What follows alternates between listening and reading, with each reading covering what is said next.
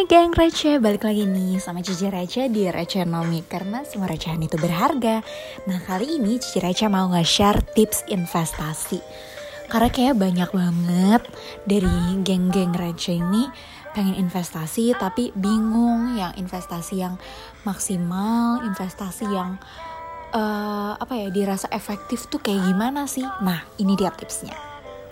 Yang pertama adalah konsisten teman-teman mungkin ini uh, belum bisa diterapkan sama semua dari teman-teman yang dengar tapi hopefully uh, setelah dengerin ini teman-teman akan berusaha lebih keras lagi untuk bisa konsisten.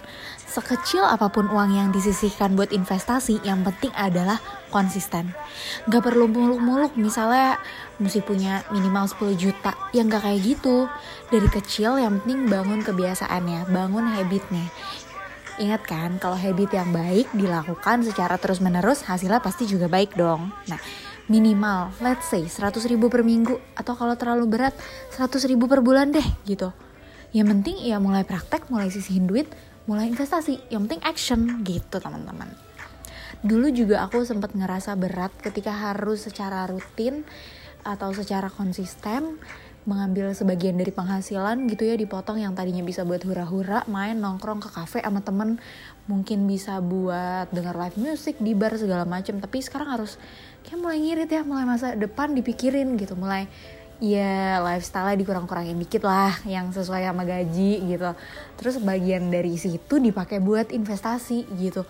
Lumayan banget loh berasa. Aku karena merasa itu susah akhirnya decide buat uh, ngelakuin auto debit. Kalau zaman sekarang sih, setahu aku uh, di berbagai rekening bank, uh, baik bank swasta maupun bank pemerintah, udah bisa atur yang namanya auto debit.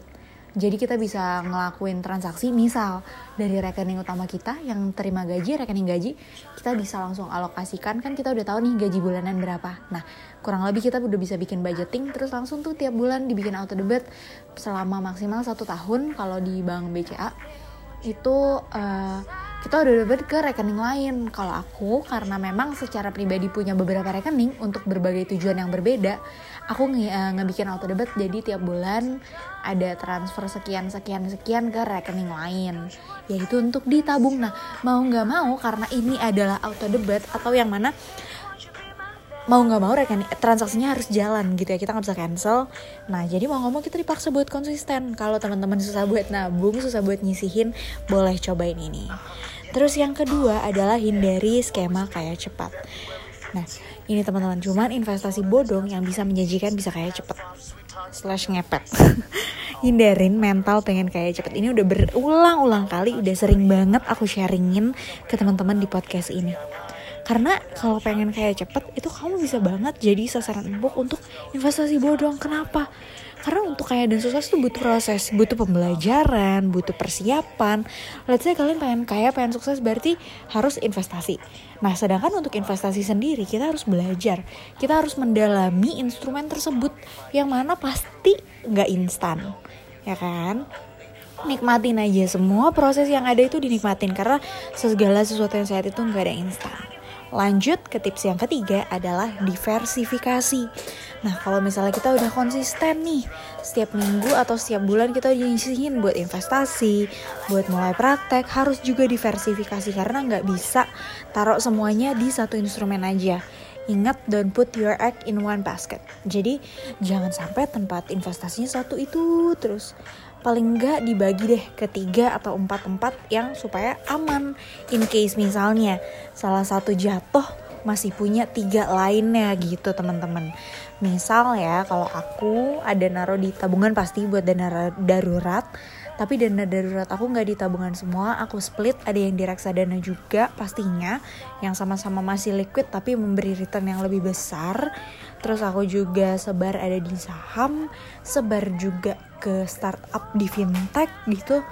Uh, ada beberapa fintech yang peer to peer lending yang returnnya lumayan tapi masih ada insurance juga jadi masih aman.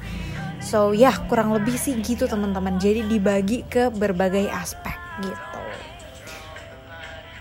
bisa juga misalnya teman-teman pengen naruh di emas pengen juga build business pengen juga buka usaha all shop misalnya dan lain-lain banyak banget caranya buat diversifikasi ya terus tips terakhir ini kali ini podcastnya sangat amat singkat karena cuman tips investasi cuman ada empat poin dari aku.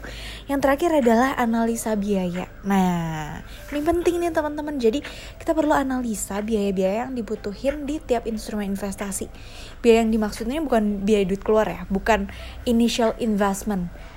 Tapi juga waktu, juga emosi harus dikeluarin buat investasi karena itu juga jadi biaya yang harus ditanggung loh let's say kita invest di saham butuh waktu banget ya ini butuh waktu kalau invest di saham untuk analyze misalnya analyze perusahaannya analyze laporan keuangannya.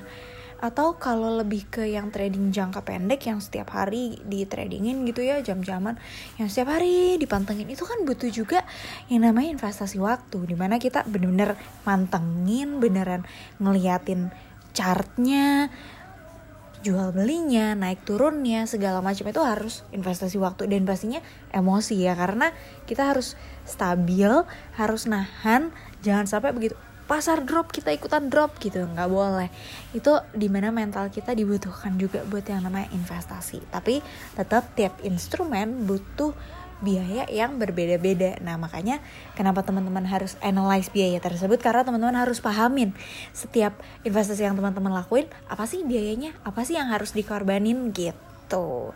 So that's all buat tips investasi hari ini dari Shirasha. So hopefully teman-teman udah bisa mulai uh, mikir-mikir ya investasi yang cocok yang mana.